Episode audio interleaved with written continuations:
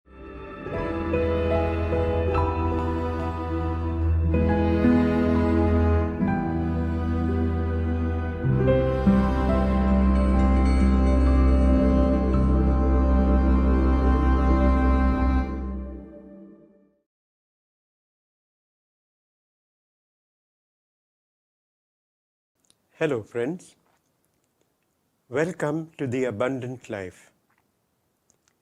Behold, I make all things new. A verse taken from Revelations chapter 21, verse 5.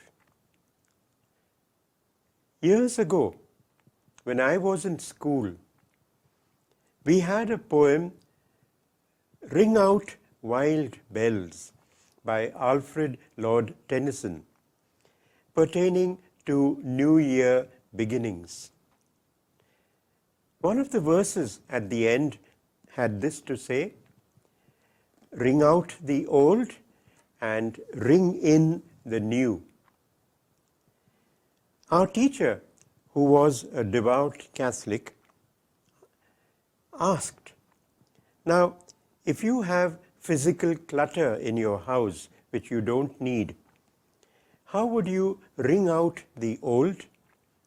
And we all said we would throw out the clutter and the junk that has accumulated.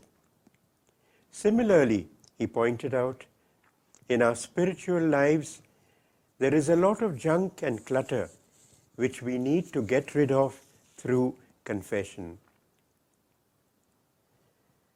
Then, he asked, What about ringing in the new? Here too, we said, Perhaps we need to keep things in order and be systematic and organized. And, above all, spiritually, to let Christ to come alive in our lives. Christ who makes all things new for us. This incident came to my mind as I pondered on this topic for today. It was also the theme at the 38th International Eucharistic Congress held in Bombay in 1964. And memories of it came alive when I recalled the song based on this theme. Now let's look at this line that we have on the board. Behold, I make all things new. Let's take the first word, behold. Commonly speaking, it means look, see. But here, it means pay attention to the important fact or point that I have to tell you. The next word is I. And obviously, this I refers to God. God alone, and not me, not you. Only He can make all things new in our lives. I can perhaps change some things. You can perhaps also change some things. But We cannot totally make ourselves new. Only God can do that. And obviously, if you ask any parents and teachers who are trying to change their children, they will agree with you and say, we manage up to a point, but not fully. Let's look at the third word, make. In the New revised standard version of the Bible. This word make is changed to am making.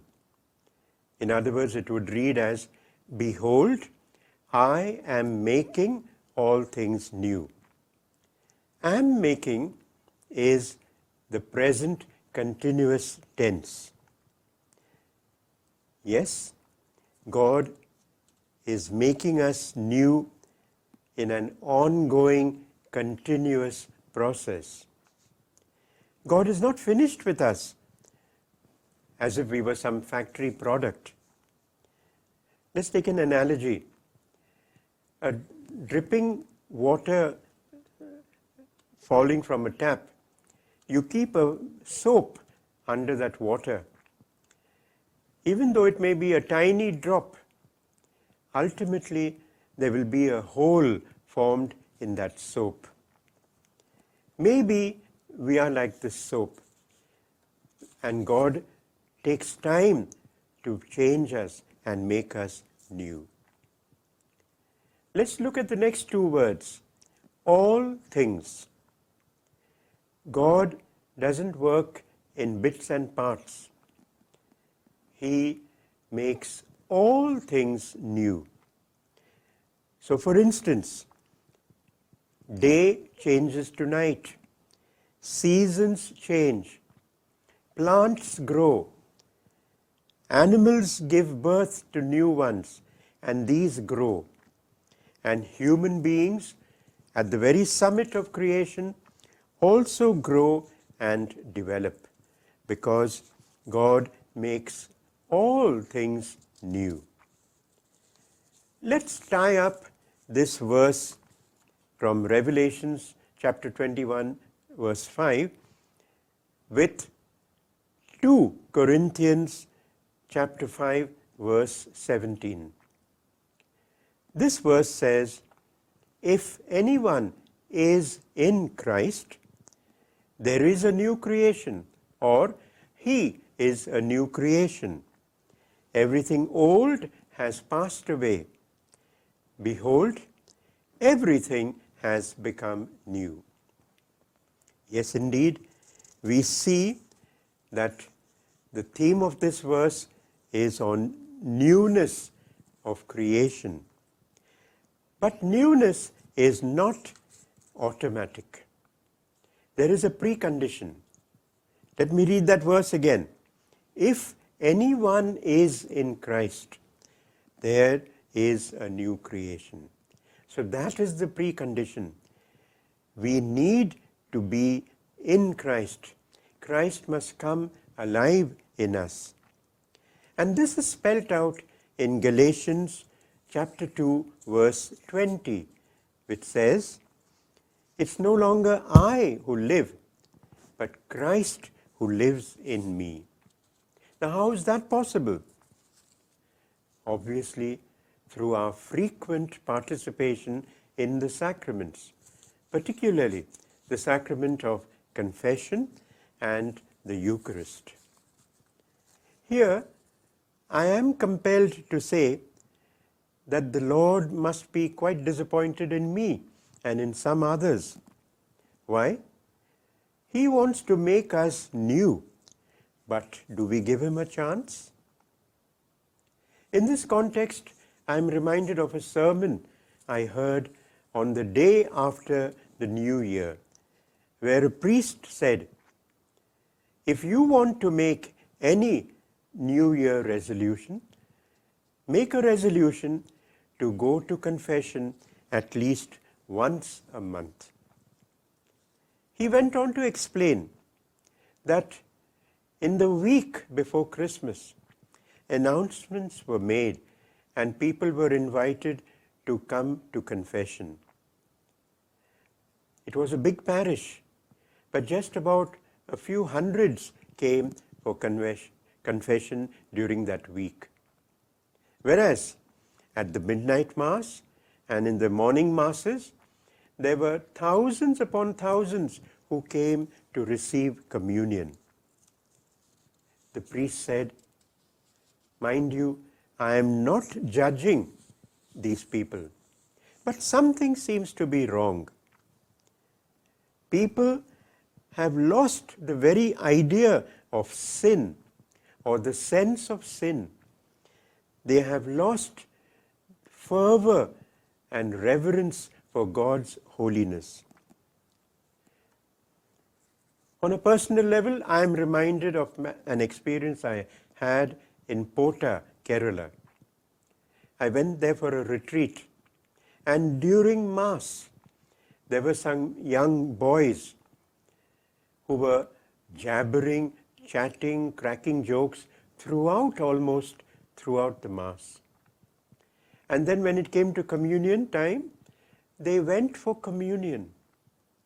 I was totally shocked and pained, wondering what reverence do they have to the Lord.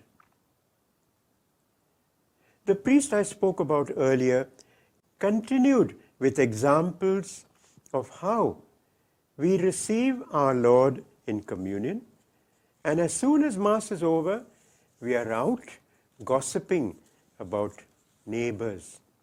Or when we get home, we are back to square one arguing, fighting with family members or the neighbors.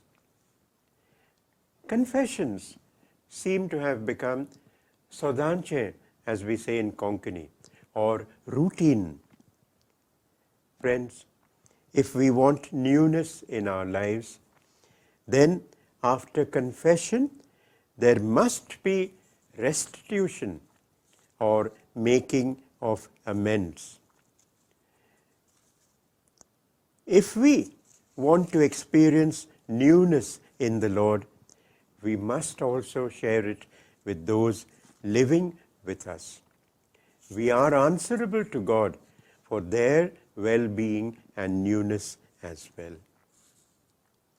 Now, I do not deny the fact that all of us who are trying to seek new life in the Lord are bombarded with temptations much of the time, and if we are not careful, we can easily be sucked into the whirlpool of deadly sin brought on by the world, the flesh, and the devil. It takes a lot of grace to stay afloat and maintain a new life when confronted by our daily lusts of the flesh, of the eyes. and of the pride of life, as we saw in 1 John 2, verses 15 to 17. In addition, attacks on our new life in Jesus may come from our own inner compulsions and obsessions and our sins of omission and commission. And today, from our addictions, addictions to mobiles and pornography and technology, all of which is partly useful, but if we don't handle it well, it can lead us to sin. I am a widowed man, and as a widower, I was confronted with frequent temptations and almost drowning in my personal whirlpool of sin. But God had mercy, mercy on me in His own unique way. And that is why today I can say with Philippians 4, verse 13, I can do all things in Christ who strengthens me. I can do all things in Christ who strengthens me.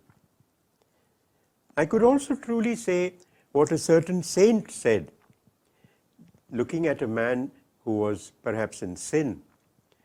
There, but for the grace of God, go I. Meaning, I could be this person living in sin. I could be in this sinner's place. The leper said to Jesus, If you will, if you want it, you can heal me and make me clean. If we want to be clean, we need to beg the Lord, like that leper. We need to beg the Lord to help us to remain a new creation. We need to collaborate and cooperate with the promptings of the Holy Spirit. Let me give you an example. As a youngster, I went to a Jesuit priest, Father Philip Terrassa, God bless him. He gave me the slogan, practice a no for a yes. And he explained it this way: if you are diabetic, you need to say no to sweets and sugars for a yes to a healthy life. Likewise, for a new creation, you need to say no to your temptations and urges so that you can have a yes to a wholesome life. And that reminds me, my prayer these days is Lord, when you created me, you wanted me to be holy, whole, and a wholesome person. Help me, Lord, to fulfill your desire for me.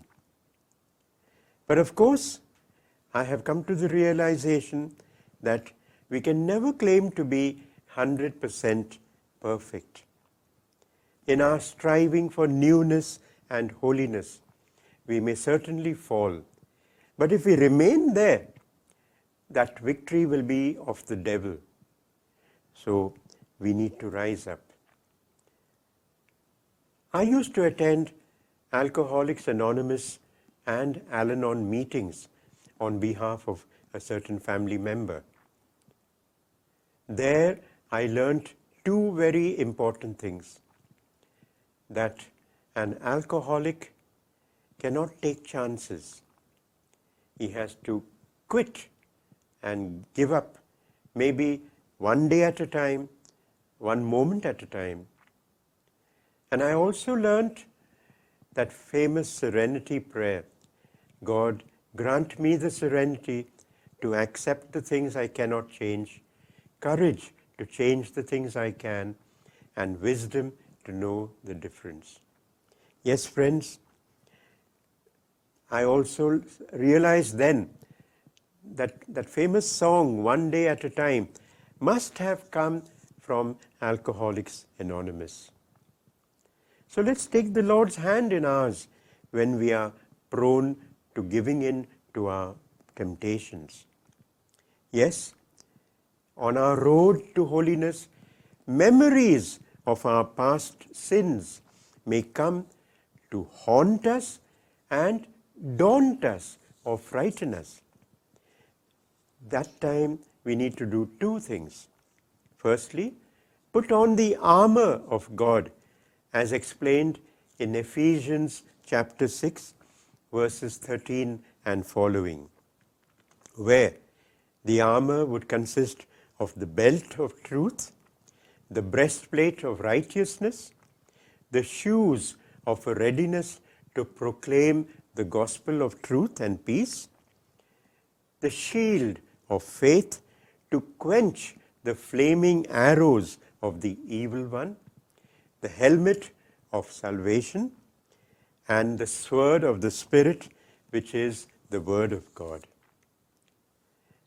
This chapter continues by saying, Pray in the Spirit at all times. We need to keep alert and remember that the devil is like a roaring lion waiting to pounce on us and devour us as we read. in 1 Peter chapter 5 verse 8. So let's keep alert and always persevere in praying for one another. If I am here today, it is because people are praying for me. I, in my turn, have been and I continue to pray for all those in my family and those in need. The second thing, besides putting on the armor of God, is to cling to the Lord and remind ourselves that He, the Lord, has forgiven us and cares for us. A slogan that I read helps me. It says, There is no saint without a past, and there is no sinner without a future. No saint without a past, no sinner without a future. Contemplate this and be joy filled, as Nehemiah chapter 8, verse 10 tells us The joy of the Lord is my strength. Be joyful in the Lord. This new year, I once again realized the importance of reflecting on the baptismal promises. And I have resolved that after every confession I will ponder upon and pray with my baptismal promises as my penance. Yes, we need to cultivate a life of grace and a frequent confession at least once a month will help us. Otherwise, the result will be as seen in Matthew chapter 12, verses 43 to 45. The sinner was made clean, the demons had fled, but this demon, prowling around, not finding a suitable place, thinks of coming back to his original place. And he finds the place swept clean. And so he goes back and invites seven other demons worse than himself to reside in this place. this can happen with you and me if after our confession we take things for granted and do not pray do not frequent the eucharist and then the demons will come back so friends confession is a healing sacrament it gives us strength to persevere just like batteries in a car they need to be charged again confession charges us and helps us to renew our conviction to live a good life with the Lord by our side. Let's not love the world or hanker after or hunger after the flesh pots of Egypt, as was seen in Exodus chapter 16, verses 2 to 3, where the Israelites complained to Moses that they were only eating. manna and quail, manna and quail. They wanted onions and leeks and spices and other meats. Whereas we, if we want to be close to the Lord, let's be grateful and let's orient ourselves to eternal life, not to temporal and mundane lives. I remember When I was in Bombay, I worked for the Hong Kong Bank as an officer. And when my wife took seriously ill, I made a decision to give up my job and come down to Goa. Friends, well wishers told me Goa is not so far away. Let your wife and daughter go to Goa. You remain as an officer in the Hong Kong Bank. But my vows, my marriage vows were important to me. And I decided that in sickness or in health, I would be with my wife. I did not want to have my legs in two boats, one in Bombay, one in Goa, because then I would fall in between and drown. We need to make a clean break as I did with my bank job, we need to make a clean break with sin. Otherwise, we are warned in Revelations chapter 3, verse 16 the Lord prefers us to be either cold or hot. He hates lukewarmness because then he will spit us out. So, friends, as I end, let's not be lukewarm. Let us choose to be hot for the Lord. Even when people around will criticize you for your change in your life, tell them that I'm okay like this because if I did not have this changed life and going to visit the Lord in the Eucharist, I would be much worse than I was before. So let us persevere. It is the Lord who gives us a new life. He touches us, He heals us, He breaks us, but He builds us up. And trusting in the Lord, we shall persevere through this new year. Thank you for a patient hearing, and God bless you.